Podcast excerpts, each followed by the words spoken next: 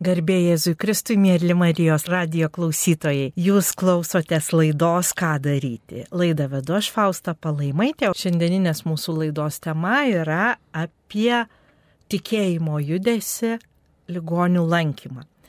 Ir šiandieną aš pakviečiau į studiją iš Kauno hospiso žmonės, kurie savanoriauja tenai, lanko ligonius. Tai kviečiu savo viešnės prisistatyti.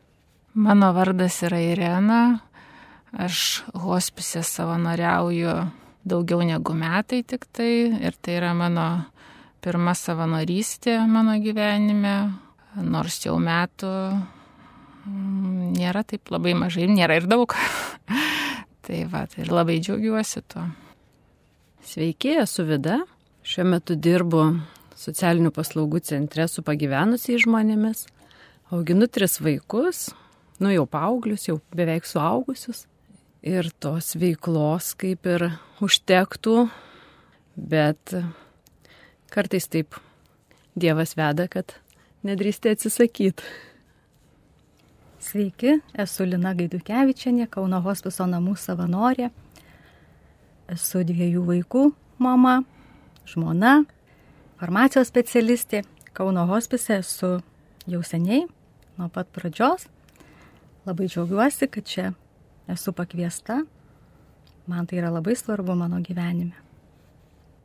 Jėzus Evangelijoje pasakoja daug visokiausių istorijų ir viena iš tų istorijų yra va, tas paskutinis teismas, kur jisai jau kaip karalius ateina ir staiga sustato visus į kairę ir į dešinę, avis nuo ožių atskiria ir, ir vieniems sako, va, aš buvau toks, man padarai tai.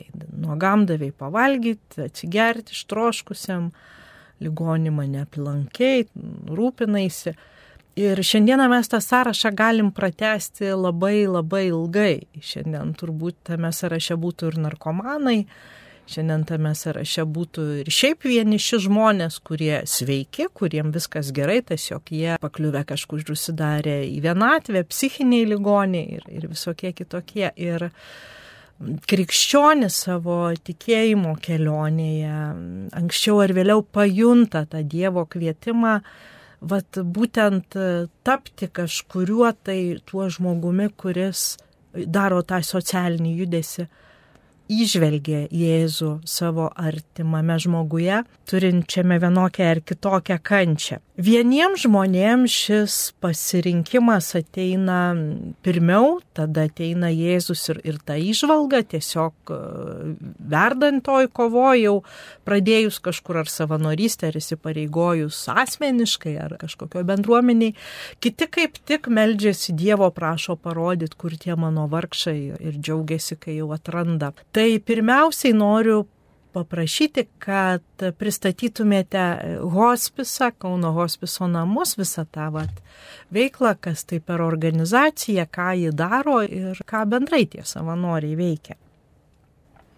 Kauno hospiso namai tai jau aštuonerius metus veikianti medicininė įstaiga, teikianti nemokamą paliatyvę pagalbą pacientų namuose Kaune ir Kauno rajone. Ta pagalba susideda iš medicininės pagalbos, socialinės, dvasinės, emocijos ir tiesiog, ko žmogui pagal poreikį reikia.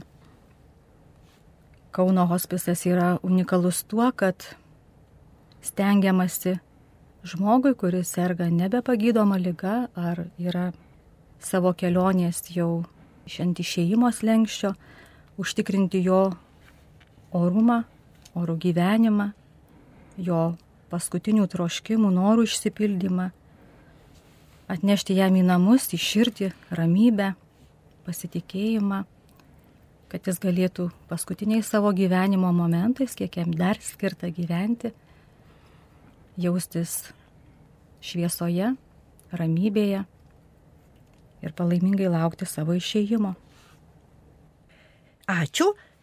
Tai manau, mes kiekvienas nuskirtingai atrandam tą vietą, kur norim kažką tai nuveikti. Pavyzdžiui, aš tai labai ilgai ieškau, kas yra mano vargšai. Vaje, vaje, kiek aš vargau visur ėjau, nu, aš galiu prie tų kažkokių tai žmonių, prie tos kažkokios grupės pabūti, nu, bet man nėra Jėzaus. Tai tikrai ne vienerius metus ieškojau, kol atradau tuos vad žmonės, kur tikrai aš ateinu į vietą ir pajaučiu va, tą kažkokį tai Dievo buvimą šalia kartu ir aišku suprantu, kad tai nebūtinai tik tai va, tie vieni žmonės, galbūt po kažkurio laiko ateis kitas laikas ir aš rasiu tuos kitus žmonės. Ir nagi, aš irgi bandžiau vaikščioti į globos namus, ten kažkaip tai pabūti su tais vyresnio amžiaus žmonėmis, praleisti laiką, pasikalbėti, kažką paveikti. Bet iš tikrųjų kiekvieną kartą man būdavo katastrofiškai sunku susiruošti, neiti ir kai tik galėdavau, tai nebeidavau. Tai nusprendžiau tada, kad gal nelabai.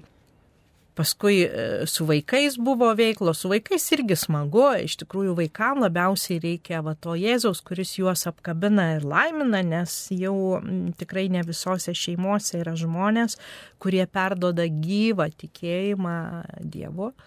Ir su vaikais irgi buvo smagu, bet aš labai pavargdavau. Va. Ir galų galo aš atradau savo vietą e, įkalinimo įstaigose su, su nuteistaisiais, kur dar nenusibodo ir kur aš visada pradžiungu atidarius tuos vartus, už kurių daugeliu įėjus yra baisoka. Tai noriu paklausti, kaip jūsų va ta kelionė buvo, ar iš karto ligoniai buvo tie pirmi, pas kuriuos ten pajuto tą Dievo kvietimą, va šitaip tarnauti, ar turėjo dar gyvenime ir, ir kitų kaip viskas atsitiko, kaip pajuto tą Dievo kvietimą. Irena. E, labai įdomi iš tikrųjų. Aš irgi ilgą laiką meldžiausi ir prašiau Dievo, kad man duotų šviesos ir, to, ir surasti tą savo vietą, kur, kur aš galėčiau panaudoti savo kažkokias žinias, įdėti savo darbo. O prasidėjo nuo to, kad mano mama e, sirgo senatvinė dimencija, buvo, buvo garbaus amžiaus ir aš ją atsivežiau savo namus ir slaugiau. Ir tas slaugimas man tokia, aš pati net nežinojau, kad aš taip moku slaugyti. Aš viską dariau tiesiog intuityviai, neturėdama jokių žinių. Ją rūpinausi, ją maudžiau, eidavom į lauką pasivaikščioti ir man tai tokia buvo dovana ir man taip nesunku buvo. Nors aplinkiniai stebėjo, tavarsime man sakydavo, kad užjausdavo mane, kad, kad sunku, nes pas mus visuomeniai e, senas žmogus ir dar lygotas yra kaip toksai didelis e, kliuvinys, didelė našta. Man net kartais nepatogu būdavo pasakyti, kad man patinka tą daryti, man visai nesunku. Tai va ir tai man pačiai buvo, nu, tokia, aš pati tuo negalėjau patikėti. Tai va ir kai mama išėjo į amžinybę, liko daug jos e, daiktų slaugos ir niekam nebuvo kam jų atiduoti, niekam aplinkui nereikėjo. Mm, tai tada susiradau Kauno hospisą ir pasiūliau, kad uh, tuos daiktus paimtų. Ir taip pat susitikau su Kauno hospiso direktorė Kristina e, ir aš jai papasakojau, kaip man gera buvo slaugyti mamą, Ir jinai pakvietė į Kauno hospisą, aš išsigandau, sakau, nu, aš savo žmogų slaugyti yra vienas dalykas, o, o, o kitas svetimą žmogų, nežinau, ar sugebėsiu. Bet jinai mane taip nuramino, sakė, galima ateiti ir jeigu netiks, galės išeiti, e, galima daryti įvairius darbus. Tai va, tai ir taip atsiradau Kauno hospise. O kaip vida atsirado? Aš truputį kitaip negu Irena, aš neieškojau tos savanorystės, čia jinai mane pati ištiko. Aš kažkaip tai um, paskutinius jau aštuonerius metus dirbu su pagyvenusiais žmonėm socialinėje srityje, esu ergoterapeutė, bet, kaip aš pati sakau, turbūt daugiau žmonių išklausytoja, glostytoja ir man supratau, kad tas net nesunku, o man miela, girdžiu žmonės, kad jie nori dalinti savo problemom, savo vienatvę, kaip jie ir sako, mes sako, labiau esam jūsų kasdienybei, jūs mus daugiau girdit negu mūsų artimieji. Ir per šitą supratau iš tikrųjų, kad nu, tie žmonės, nu, jiems reikia šito. Tai čia iš darbo pusės, paskui kažkaip tai Dievas susirado jau iš kitos pusės išvažiavau į Taizą, į Prancūziją, į vienuolyną ir tenai prasidėjo jau čia tokia gilesnė tikėjimo kelionė, jau ten, kadangi su suaugusiais buvau, tai iš prancūzijos moteris, viena paminėjo, kad jinai ligoniniai yra dvasinė palidėtoja išeinantiems žmonėms, išeinančių ir aš galvoju, o, aš galėčiau turbūt šitaip dirbti, nes toks įkvėpimas, toks Dievo vedimas buvo. Ir kažkaip tas praėjo treji metai, bendruomeniai, jaunimo bendruomeniai likau, mane ten gražiai priemė kaip bendramžė, nors turbūt į mamas visiems tinkama. Ir taip vedė, vedė, praeitais metais vedė per maldos grupelės, Garliavos bendruomenėje esu pašaukimų mm, grupelėje maldos, paskui alfa kursas ir taip toliau. Ir staiga į darbinį elektroninį paštą įkrenta Kauno hospiso kvietimas tiesiog sudalyvauti renginį. Va, galvoju, čia jau kažkas tokio. Buvau girdėjus, kas tas hospisas yra, bet nieko konkretaus, daugiau apie Vilniaus hospisą, ne Kauną. Nu ir taip. Nuo to tiesiog, tiesiog viskas, va tas vedimas toks, kad ėjau ten, kur kvietė. Taip ir atsidūriau. Nuėjau ir jau pasilikau. Nedaug dar, bet, bet jau gerai. Ačiū. Lina? Mano kelias labai buvo keistas, mistinis ir ilgas, kol atsidūriau savanorio batuose. E, dar kai hospisas buvo tik žodis, išėjęs iš steigėjo Žanos lūpų, tuo metu iš karto pajutau širdyje, kad man tai yra brangu, išgirdus iš Žanos pačią idėją, kas tas hospisas, nes tai buvo irgi naujiena. Tiesiog pradėjau mąstyti, svajoti, kaip bus ir Kaune hospisas, tai visada mane traukdavo tas ligonių priežiūra, pagalba, kažkoks toks, kad ir menkas, geras darbas, kad ir nepažįstamiems žmonėms. Ir keletą metų tai buvo mano tik tai hospiso palaikymas malda, mintimis, kai prieš aštuonerius metus buvo įsteigtas hospisas, taip sulaukdavau kvietimų, bet nedrįsau dar pradėti savanoriauti. O prieš septynerius metus mano tuomet devinmetis sūnus Domas tiesiog vieną dieną paklausė manęs, aš, mama sako, norėčiau eiti į hospisą savanoriauti. Man įdomu pažiūrėti, kaip ten tie mirštantys žmonės atrodo, kaip jie jaučiasi. Man tą kartą iš devinmečio sunaus lūpų tai nuskambėjo nerimtai ir aš taip jį nušnekinau, pažadėjus buvau pakalbėti su Kristina, bet savo pažado neįvykdžiau ir jisai po pusę metų man vėl tą patį klausimą uždavė. Tu neišpildėjai savo pažado, tu nepakalbėjai su Kristina, aš noriu eiti savanoriauti. Ir tada aš pajutau, kad tai yra rimta. Išdrįsau Kristinos paklausti, nes atrodė ten tik tik suaugę žmonės eina, turėjau kažkokią iš ankstinę nuostatą ir nuomonę. O Kristina labai apsidžiaugė. Ir ištiestom rankom priimė domą. Jis po gal trečio apsilankimo pas skirtingus pacientus, tiesiai žiūrėdamas man į akis užklausė, sako, kada tu, mama, eisi savanoriauti. Aš tik taip susigūžiau ir taip pat supratau, kad per jį yra mano kelias į, į hospisą, man, kad man sūnus atvėrė tas duris ir padrasino mane. Ir taip prieš šešis metus pradėjau savanoriauti.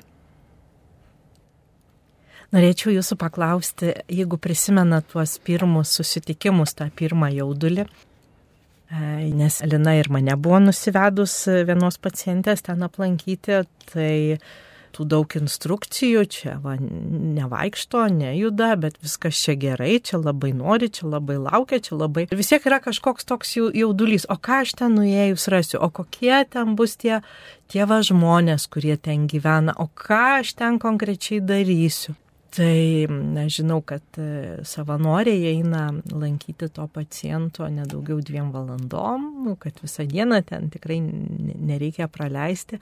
Kaip jūs, vat, ar prisimenate savo pirmą apsilankymą ir ką iš pat pradžių veikėt nuėję? Mano pirmasis apsilankimas buvo, kaip aš juokiuosi, labai lengvas ir paprastas, aš jau sveikinti gimtadienio progą, tai yra džiugus toksai apsilankimas. Ir antras turbūt irgi toks pat buvo, irgi gimtadienio proga. Labai džiaugiuosi, kad tie žmonės e, gali būti pradžiuginti tokią dieną. Ir tas jaudulys buvo kiek mažesnis vien dėl to, kad ėjau ne viena, ėjo kartu mūsų e, savanorių koordinatorė Paula, ėjo e, dar porą sveikintojų, mm, Juratė su gitara ir dar viena savanorė ir mes buvom kartu. Tiesiog tas buvimas kartu duoda saugumą ir tokią ramybę, kad, e, nu, kad būsi supažindintas ir žinosi, kaip elgtis. Jeigu nueisi kitą kartą jau vienas, jau būsi savas. Tai va pirmas kartas toks. Aš dar galvoju, o vat, nu, gimtadienis, ką žinau, kai klėstėjimas, kai sveikata, kai tu čia gyvensiam, žinai, tai vienaip tas gimtadienis, o kai jau tos yra tokios paskutinės gyvenimo jau etapai, kai tu žinai apie lygą, kai tu žinai, kad, nu, va, šitie metai buvo, o kitas nežinia, ar bus. Kokia nuotaika to gimtadienio ir jinai nėra slegianti? Begalė jaudulio, tokio džiugaus jaudulio iš tikro iš, iš, ir iš žmonių pusės, ir iš savanorių pusės. Iš tikrųjų, jeigu taip atvirai, aš kiekviename žmoguje matau žmogų. Ne negalę, ne lygą, ne bėdą ir ne tai, kad tai pabaiga, bet tai žmogus šiandien. Čia ir dabar, šiandien toks jo gimtadienis arba net ne gimtadienis, bet jis yra toks kaip mes. Gal jam tik tai sunkiau, skauda, bet iš tikrųjų jaudinasi visi, nes tas gimtadienis turbūt būna gražesnis negu kai kurie sveikam esant tie gimtadieniai ir turbūt to džiugesio dar daugiau tam žmogui stengiame suteikti, kad tik tai pajustų, koks jisai, nu, svarbus tą dieną. Tai ašara būna visada, tikrai labai, labai žmonės džiaugiasi. Labai. Irena, jūsų pirmas kartas, atsimenat, ką veikėt? E, pirmą kartą labai gerai atsimenu, mm, nes labai jaudinausi, kaip ir šiandien laidoje jaudinuosi bet e, palidėjo savanorių koordinatorė, viską papasakojo apie tą žmogų, nuvedė ir, ir mano pirmas buvo mm, savanoriavimas skaityti žmogui knygą. Aš net nežinojau, kad, e, nu kažkaip net ne, ne tai, kad nežinau, nebuvau pagalvojus, kad žmogus pats negali savo knygos paskaityti, nes jisai nei rankų, nei kojus negali jos laikyti. Ir ta knyga buvo... Mm, kunigo Richardo Doveikos. Buvo tas skyrius e, toksai, e, jau ten kažkas prieš tai mane skaitė nemažai savanorių ir man buvo kaip tik tai apie žmogaus išėjimą skaityti. Ir ten viskas tai buvo toks gydantis tekstas, nes mano mama buvo ką tik tai palaidojusi, tai buvo toks gydantis tekstas apie išėjimą, apie prasme apie sielos kelionę į šviesą. Tai vien žodžiu ir daug ašarų buvo, ir labai supratimas iš hospiso pacientės gražinos, toksai palaikymas ir aš pasijutau po pirmo vizito, kad ne aš atėjau padėti, bet man daugiau padėjo tam vizitui. Tai man buvo tokia nuostaba, kad, tu prasme, mano siela gydėsi ten skaitydama ir padėdama, nežinau kaip jautėsi, aišku, pacientas, bet, bet tai tai nepaprasta, vienu žodžiu, nepaprasta patirtis, ją prisimenu visada. Linai tai jau labai seniai buvo, kažin, ar, ar yra ta atminti išlikus pirmoji? Net, net sunku man atminti, kuris tas pirmasis. Kad taip labai įstriktų pirmasis, kuris buvo prieš šešis metus, ne taip, bet man iškyla iš atminties, kadangi jų buvo labai daug, tai iškyla galbūt tie patys stipriausiai įsirėžę į širdį, į atmintį, į sielos net gelmes pasakyčiau. Tai vienas, vienas pacientas, kuriam buvo likus tikrai gal penkios dienos ir šeima visiškai pasimetus, sūnus atvyko pabūti su tėvu išeinančiu, bet net bijo prieiti prie jo. O mano tą kartą užduotis buvo pastatyti lašelinę ir laukti, kol sulašės vaistai, norėdama daugiau naudos jam truputį, nu, kad geresnis įsisavinimas, aš sulėtinau lašinę, kad tas laikas ilgesnis būtų, tai labai džiaugiuosi, nes per tas valandas pavyko priartinti sūnų prie tėčio, nes sūnus tiesiog susikaustęs bijojo, sako, aš nežinau, ką jam sakyti, aš nežinau, ką kalbėti. Tai truputėlį pasikalbėjom su to sūnum ir su įsidrasnės, nu jau, mes paskui taip su paciento žmona ausytės ištempę klausom, kaip jie gražiai kalbasi, kažką iš praeities, taip, taip visiškai paprastai, jaukiai. Po to prireikė kažkokių priemonių, sūnus išvažiavo jų nupirkti, tada mes su žmona nuėjom, aš taip pat ją drąsinau, kad negalvokit, kad jis išeina, jūs tiesiog būkite ir džiaukitės kiekvieną minutę. Tai ir jau net nepatogu pasidarė prieš tą žmogų, kad mes šnekam, šnekam, jis užsimerkė, atsimerkė į mus pasižiūri ir sakau, gal mes jūs varginam, gal jau mums išeiti į kitą kambarį, gal norit ramybės, o jis taip atsiduso ranką iškėlė, sako, čiulbėkit, čiulbėkit, man taip gera jūsų klausyti. Ir va tada buvo Tai irgi vienas iš pirmųjų kartų ir žmogui išėjus į tėvo namus sulaukėm tokios labai nuoširdžios žmonos padėkos už tą palaikymą, kad, kad ten savaitę laiko, bet kad tikrai labai stipri komanda hospiso savanorių atnešė tikrai labai daug vertingos tos naudos visai jų šeimai, tiek pačiam išeinančiam, tiek artimiesiam. Kokie dar įspūdžiai yra vat, iš, iš tų visų apsilankimų, čia labai tos istorijos tokios visos jautrios yra. Pavyzdžiui, aš atsimenu mano sutikimai su ligoniais, tai buvo, kai aš buvau misijose Brazilijoje ir ten lankydavom atvykusius mm, gydytis į gydymo įstaigą žmonės, bet pagal Brazilijos tvarką jie ten turėdavo gyventi nakvynės tokiuose vietose, nei tai viešbučiai, nei tai nakvynės namai, nei tai svečių namai, kažkas tokio bendro, jų ten daug ir, ir mes ten eidavom juos melsti su jais, kalbėti su jais irgi drąsinti.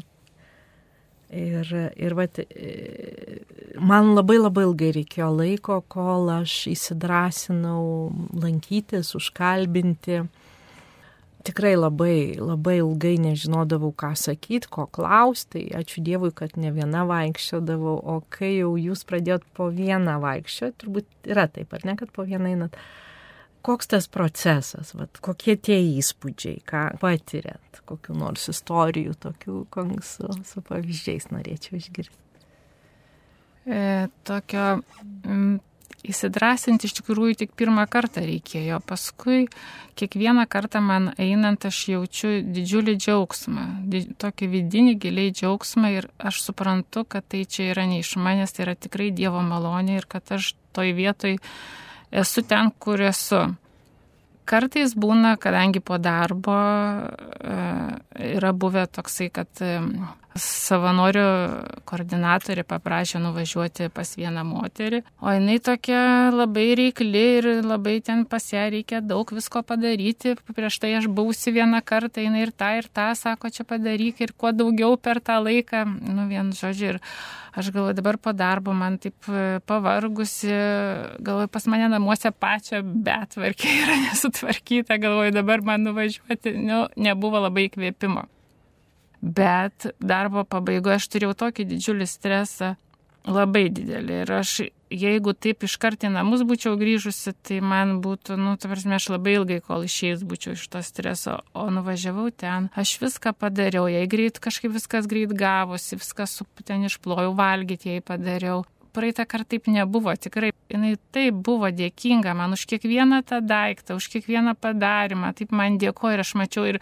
jinai padariau, pakepinau moliugo, jinai sako, aš dvi dienas nevalgius jokio šilto maisto ir jinai taip suvalgė su tuo skanumu tą moliugą. Nu, žodžiu, aš tokią pajaučiau prasme, man išgaravo visi stresai darbiniai ir viskas, vien žodžiu, ir aš išėjau iš, iš jos namų, viską padarius, patvarkiusi ir visa laiminga, piešiom grįžau namo, vien žodžiu, ir man kaip e, jokių stresų ir nieko, vien žodžiu, dideliam džiaugsmė iš tikrųjų. Tai va, tai, nu, taip kartais būna, kad nelabai norisi, bet, bet, va, rezultatas yra labai geras. Ačiū tada? Man yra tekę nueiti pas moterį ir prieš tai nežinau, kad jinai nemato.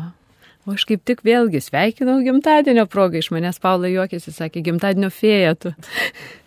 tai aš jau sveikint viena, ėjau pirmą kartą ir viena ir nuėjau, ištiesiau gėlės kažkaip taip, nu taip savaime lyg ir atvirutę perskaičiau, ištiesiau ir aš matau, kad aš nemato kuriam. Ir tada man viskas persverti ir galvoju, aš tuo metu šneku, o pati viduje galvoju, kaip dabar elgtis, nes reikia scenarijų visą pergalvo tada. Vat tas yra toks. Bet labai kažkaip greitai, labai supratingai tas žmogus, nu, tada priimi jį tokį, koks yra ir tuo metu ta, pagal tą situaciją. Yra buvę atvejų, kai irgi nelabai tikėtai nuėjau į sunkiau jau. Irgi gimtadienio proga, aišku. Tokio sunkesnio paciento, jauno žmogaus, jaunos moters namus. Ir turbūt sunkiai su tuo jauduliu susitvarkiau, iš tikrųjų, nes truputėlį ankstesnės patirtis buvo švelnesnės, atrodė, kad wow, gimtadienis ir aš sakau, o, nu, vėl gimtadienis.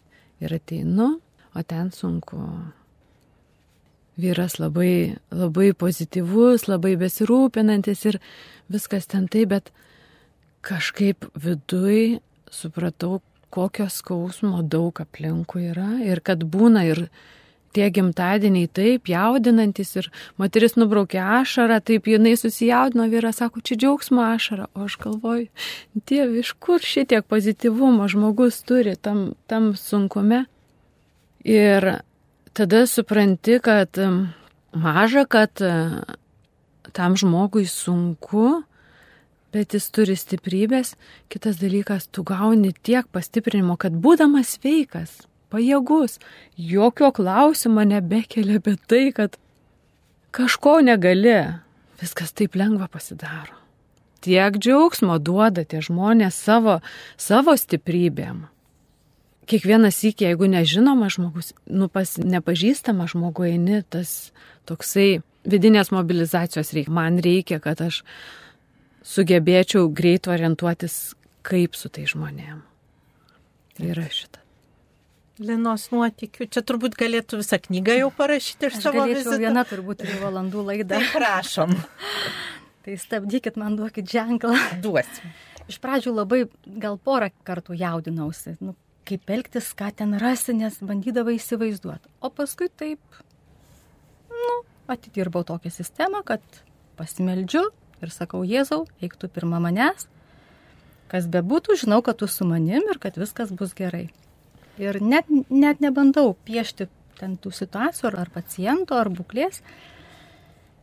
Tiesiog einu ir įsitaikau prie situacijos ir prie žmogaus. Tai tų situacijų tikrai labai daug yra buvę ir esu siūsta ne kartą į pačius karščiausius taškus, tai ką čia pasiūs, ką čia pasiūs, sako Lina, jom, o galvoju, dar viena dovana manęs laukia. Tai šiaip, vad, gražią dovaną tokią pamenu.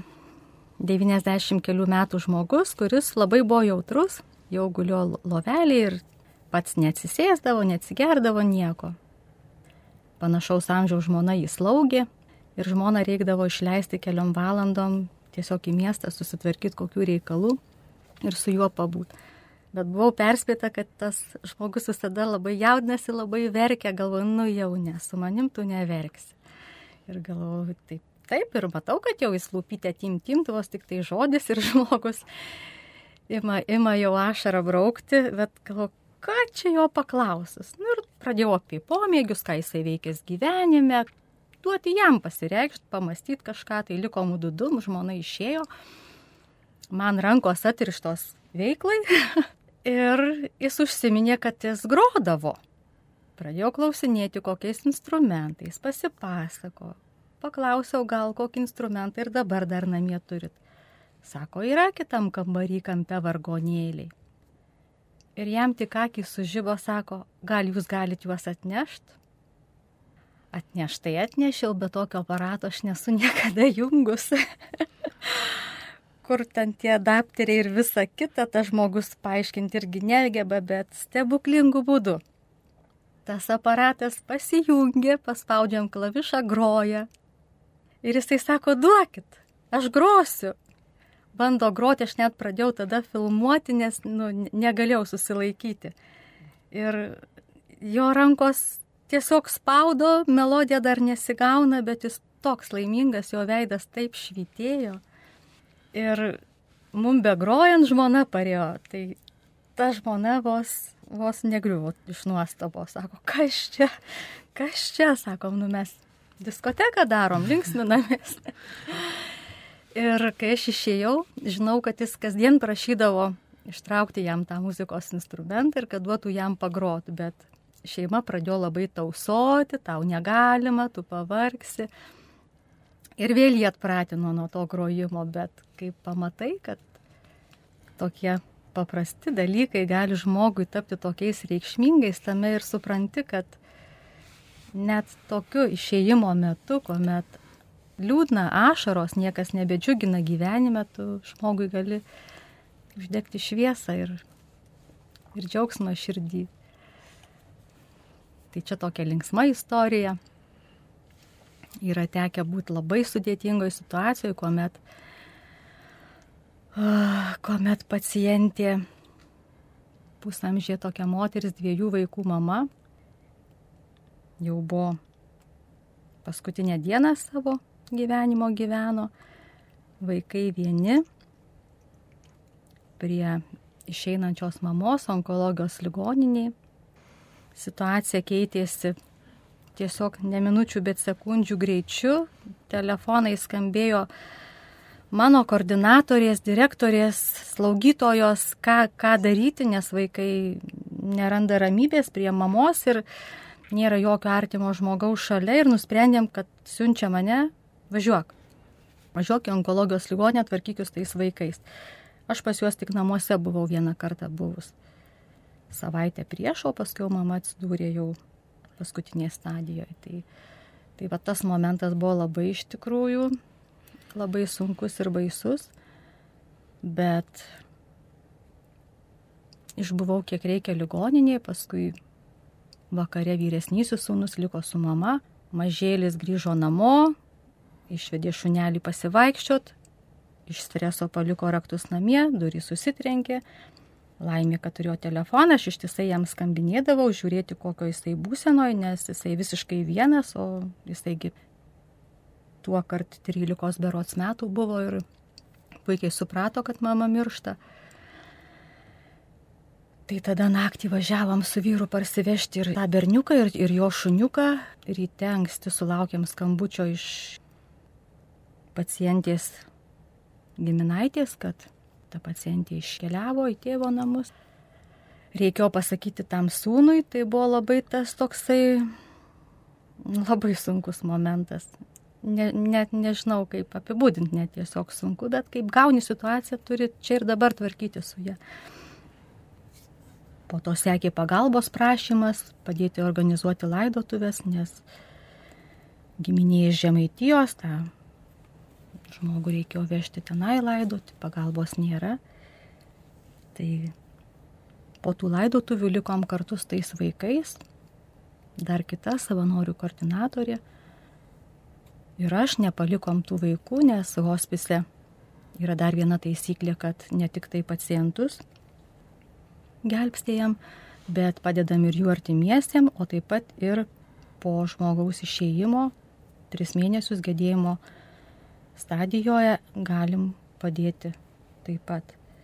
Tai su tais vaikais tie trys mėnesiai prasitėsi į dar daugiau, nes buvo neramu juos palikti vienus, vyresnėlis buvo dvyliktokas, egzaminai ant nosies, problemų labai daug, labai daug.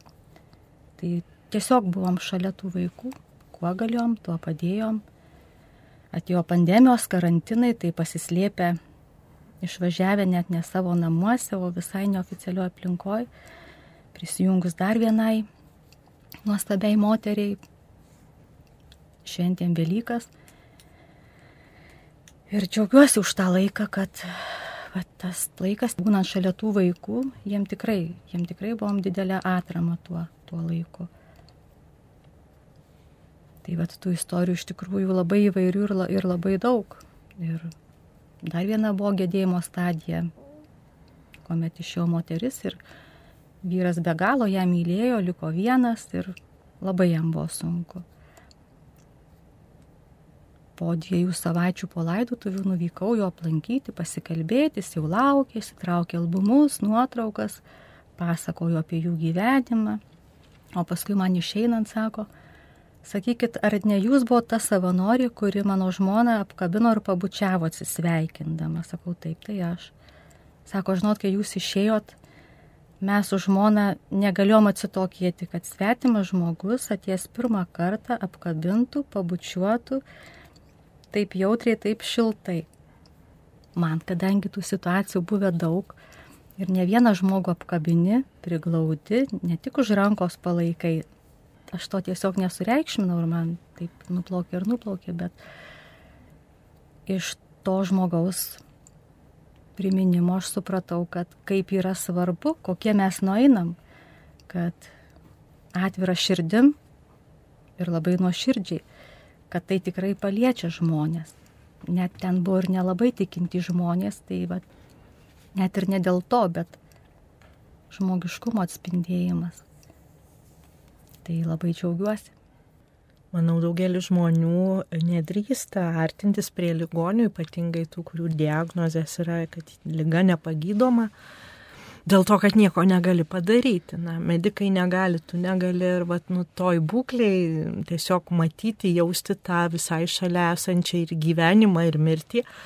Nu, daugeliu tiesiog yra nepakeliama, bet tai na, yra šio laikmečio vienas iš tokių uh, na, mūsų tų nesveikumų, kad mes nenorim nieko žinoti apie mirtį, tai dėl to nelabai ką žinom ir apie gyvenimą, gyvenimo skonį ir gyvenimo džiaugsmą. Ir mm, čia noriu pasidalinti tokią savo istoriją mm, iš, iš ligonių lankymo. Mes nuėjom pas vieną ligonį tenai Brazilijoje, kuriam buvo ketvirtos stadijos vėžys. Ir per klaidą jo tą dieną nepriemė pas medikus ir jam nedavė nuskausminamųjų. Mm, sesuo, su kuria aš vaikščiau, sakė, šitas žmogus arba išprotės, arba nusižudys, nes, sako, na, prasme, tai koks dabar jį ištiks tas skausmas, bet narkotiškų medžiagų, tai, nu, jis tikrai turbūt žmogui sunkiai pakeliamas. Ir mus tiesiog pakvietė, kad mes pasimelstume, mes atėjom, Žozėjais iš pažiūros 50 kelių metų vyras, labai liesas, matyti jau tos lygos iš, iškankintas, jis mus pamatė, apsiverkė, ja, mes buvom kaip angelai, kaip Dievo ženklas. Nu ir mes ten meldėmės, paskui bėgiojom su tuo senu receptu po vaistinės, bandėm gauti, galbūt kažkaip galima nupirkti, bet pasirodo, kad pas juos tokius vaistus tik tai klinikose pačiuose duoda, vaistinėse net jų nėra. Ir buvo vakaras, visiškai nieko negalėjom padaryti ir mane toks įsiutis paėmė, kad čia Dieve mane atsiuntė, aš nei pagydyti negaliu, nei padėti negaliu, nieko negaliu padėti. Tai, reikėjo duoti vat, man kokią dovaną, kad aš čia galėčiau ligonius gydyti kažką tai. Arba siūs ten, kur galiu. Ir, ir aš tokia įsiuti net iš, iš piktumo apsiverkus ir iš bevėgiškumo ir beviltiškumo taip giliai širdį e, matau tokį vat vaizdą, kaip Marija stovi po Jėzaus kryžiumi ir jisai sako, o tavęs niekas ir neprašo, kad tu pakeistum situaciją. Tavęs prašau, kad kaip Marija stovėtum prie to kenčiančio žmogaus ir tai yra daug didesnė dovana negu tą vieną akimirką ateiti ir kažkokiais ten profesionaliais būdais pakeisti situaciją. E, tai, tai buvo iš tikrųjų tas toks dvasinis išgyvenimas labai brangus ir, ir nepamirštamas. Tai Elina jau truputį papasako apie tuos sunkius atvejus. Noriu Renos paklausti, ar irgi buvo tokių, kur, nu, vat, kur ką tu bedarai tarsi ir neturi prasmės, bet, bet kažkur viduje ta prasmė yra? E, tokių sunkių labai atvejų matyti kai esam dar nauji savanoriai, mūsų nesiunčia pas tokius sunkius atvejus, bet e, prasmė tame vat irgi, kai ateini, randi tą situaciją, kokia yra, prisitaikyti prie tos situacijos ir kokį žmogų randi, nors būna apipasakota, ko žmogus serga, kaip jisai jaučiasi, ką jam reikia padaryti, bet vis viena kiekvieną kartą yra kažkokia tai nu, nežinomybė, bet aš kaip ir Lina stengiuosi prieš tai pasimelisti, atiduoti viską į Dievo rankas ir kažkaip tokioj ramybėje, ką reikia, tą ir padarai. Buvo vienas šitoks iš paskutiniųjų atvejų gal, kad nusintė mane į didžiulį namą, e, kol aš suradau, kur ta moteris, kokiam kambarį jinai guli. Ir visiškai vietas žmogus ir jam reikėjo padaryti valgyti visiškai, nu, nežinomam, ta prasme, virtuviai, bet kažkaip tai galvoju, tai kur aš čia viską dabar surasiu ir kaip čia padarysiu, o, o tas e, ligonis, jisai jau man padėti ir pasakyti negaliu, nes jis gulėjo lovai visai kitam kambarį. Nu va, ir aš visiškai ten viską suradau, išviriau valgyti, druskos ilgai ieškojau, bet paskui radau maišelį naują, praplėšiau tą naują maišelį ir kažkaip ir ta mačiutė tai pavalgė ir, ir palaimingai užmygo. Tai va, ir supratau, kad viskas įmanoma ir viską galima padaryti su, čia tik su Dievo malonė, nes čia iš savo jėgų ir iš savo norų kažkokių sugebėjimų, tai čia, nu, čia, taip, nežinau, čia turbūt neįmanoma to padaryti. Tai va, tik su, tik su Dievo malonė. Ačiū. Vada? Ta prasme, tai visą laiką yra. Aš kažkokiu tai tokių sunkių patirčių tikrai neturėjau. Aš visai neseniai, nuo spalio mėnesio savanoriauju, tai čia vos keletas mėnesių, bet labai tas stiprus jautimas, kad, nu, tas noras tiesiog būti su žmogum tuo metu tokiu, koks jis yra. Nevertinant nieko ir nežiūrint į jį kaip į ligonį. Aišku, gal dėl to, kad tų ypatingai sunkių atvejų ne, nu, nepatyriau, tokių stipriai sukrečiančių ar paskutinių dienų visiškai, bet, bet man didžiausia prasme, va kaip ir, kaip ir Lina pasakojo, kad žmogui priminti dar tai, kas jam buvo brangu, kas jam svarbu buvo, kas, kas jį džiugino galų gale. Ir jis tuo pačiu persikėlė į, į tą laiką, kai jam buvo kai jam buvo gera, kai jis ne, buvo vertinamas kaip ligonis. Tai šitie dalykai man ne tik savanorystėje, man darbė šitas pasitaiko kasdien. Ir aš galvoju, va, aš praktiškai čia irgi dirbu tą patį. Tai kažkaip pamatytame žmoguje žmogų.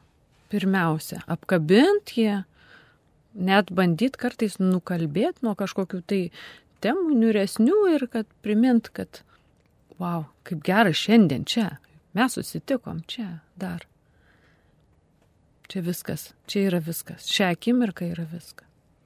Gal turbūt pas mus mm, visuomenė yra menkai to supratimo, kad ligoniui ar senam žmogui, kuriam demencija, kur jau tas uh, protas nebe taip veikia, kad jam lygiai taip pat reikia ir kultūros dalykų, ir dvasinių dalykų maždaug. Nu ką iš čia, ar jisai girdė, ar čia negirdė. Bet iš tikrųjų, jeigu tu su pasitikėjimu, su ramiu balsu meldiesi prie žmogaus, na, kad ir tą patį rožinį, kuris jau nevalioja atsakyti, bet tu žinai, kad tas žmogus kažkiek tikintis, Tai yra toks didelis dalykas ir tu nieko nedarai, nei pampersų keiti, nei maitini, nei kažką, bet va tą pusvalandį pasėdi va šitaip, maldoju už tą žmogų, už to žmogaus istoriją ar net už savo reikalus. Ar tiesiog įjungti muziką. Muzika, kurią žinai, kad žmogus mėgo kažkada jo mėgstamas dainas, dainininką ar, ar muzikos stilių jei mato žmogus parodyti parodą, paveikslą, kažką, nes mums, nežinau, galbūt mums tiesiog trūksta tų žinių, vad bendrai visuomenėje, o, o kaip kaip ligonis, kaip senas žmogus gyvena ir kai mes matom, kai, kai jis yra pribojamas jo tos galimybės išeiti, dalyvauti arba jau to noro, jėgų nebėra, atrodo, kad jis nustoja būti ir turėti ir tą vat, kultūros puoselėjimo ir dvasingumo ir, ir visus kitus, va tik, kad judėtų, valgytų, būtų švarus ir, ir atrodo tiek. Tai hospiso savanoriai išvelgia žmogų visuminiškai, kad jis yra vat, jis yra žmogus ir jam reikia skaityti knygą, jam reikia ir dainuoti, ir su juo dainuoti, ir groti, ir melstis, ir, ir jeigu tikėjimo nepriemės, vėlgi kalbėtis apie tą pačią mirtį, kaip jisai suvokia, kad, kad tai nebūtų kažkas ten kaip plėšikas stovintis, bet susibičiuliautų kitos valandos. Lygiai taip pat ir e, su artimaisiais, kurie galbūt nepasiruošia ar, ar nelabai žino, kaip toliau būti. Tai visus, kurie norėtų Kaune prisijungti prie Kauno hospiso namų, žinokite, kad jūs galite rasti internete Kauno hospisas LT visą informaciją. Reikia susirasti savanorių koordinatorė ir ten rasite jos numerį, paskambinsit, jūs priims, paruoš, viską pasakys, paims už rankos, nuves, pabus kartu, paklaus, kaip jums sekasi. Ir kaip Irena sakė, iš tikrųjų daugeliu žmonių šita savanorystė yra gydanti patirtis, gydanti nuo nu, va tokio kažkokio menkavertiškumo, kad aš negaliu, nemoku, man neišeis, aš čia niekam tikės, nereikalingas ir, ir tu nueini pas žmogų ir matai, kiek tu daug visko moki, kiek tu daug gali ir kaip tu būtent jamėsi naudingas, taip pat gelbsti ir iš visų liūdėsių. Čia taip, jeigu, jeigu savanaudiškai, o paprastai, jeigu žmogus va trokšta kažkokios savanorystės, tai yra puikia vieta, kur savanorystė labai gerai organizuota, koordinuojama ir kur yra ir palydėjimas, ir paskui mm, paklausiama grįžtamo ryšio ir prisitaikoma prie žmogaus galimybių, nėra tokių, kad jau būtinai turi eiti ir baigta, kaip yra galimybės, kaip, kaip žmogus turi laiko. Tai visų maloniai laukia Kauno hospiso namai. Taip pat vasario 24-26 dieną bus Žalgirio arenoje sveikatos dienos ir ten taip pat galite susirasti hospiso komandą ir, ir daugiau gauti informacijos. Ar dar norėtumėt ką nors pasakyti tiems, kurie abejoja, ar ateit savanoriauti? Aš tai tikrai kvieščiau, kad jau vien kaip ir sakėt Fausta, kad tai yra vien pajusti, koks esi laimingas kai tavo gyvenimas gali būti prasmingas kitam žmogui. Jau vien tam, kad žinotum, kad ta diena tikrai nenuėjo veltui, kad išgirdai, pamatėjai, prisilietėjai ir padėjai tuo, ko tam žmogui tą akimirką labiausiai reikia. Aš tai kvieščiau pabandyti, nes, kaip vat ir Faustas sakė, bandė ir, ir su vaikais, ir su seneliais, ir atrasti savo vietą. Ir jeigu tai yra jūsų vieta, tai bus didelis nuotykis jūsų gyvenime. Manyčiau, kad neverta atsisakyti. Manau taip pat, jeigu bent mažiausias kirbėsi širdyje dėl savanoriavimo, tai kodėlgi nepabandžius. Geriau pabandyti ir prisimatuoti tuos savanorystės batus. Tiks, netiks, o gal tiks. Nes jeigu tiks, tai čia atrasit labai daug. Mėly Marijos radio klausytojai, jūs klausėtės laidos Ką daryti. Šiandieną laidą vedžiau aš Faustą Palaimaitę, kalbėjome su Kauno hospiso namų savanoriais apie jų tarnystę hospise ligonėms ir esate laukiami, kviečiami taip pat prisijungti esant galimybei ir norui, ir svarbiausiai, kad jūsų laukia viešpats daugelį žmonių, jūsų miesteliuose, kaimuose, parapijose. Tikrai yra žmonių, kuriem ištiesdami ranką jūs taip pat patirsite Dievo malonę. Likite su Marijos radiju, sudie.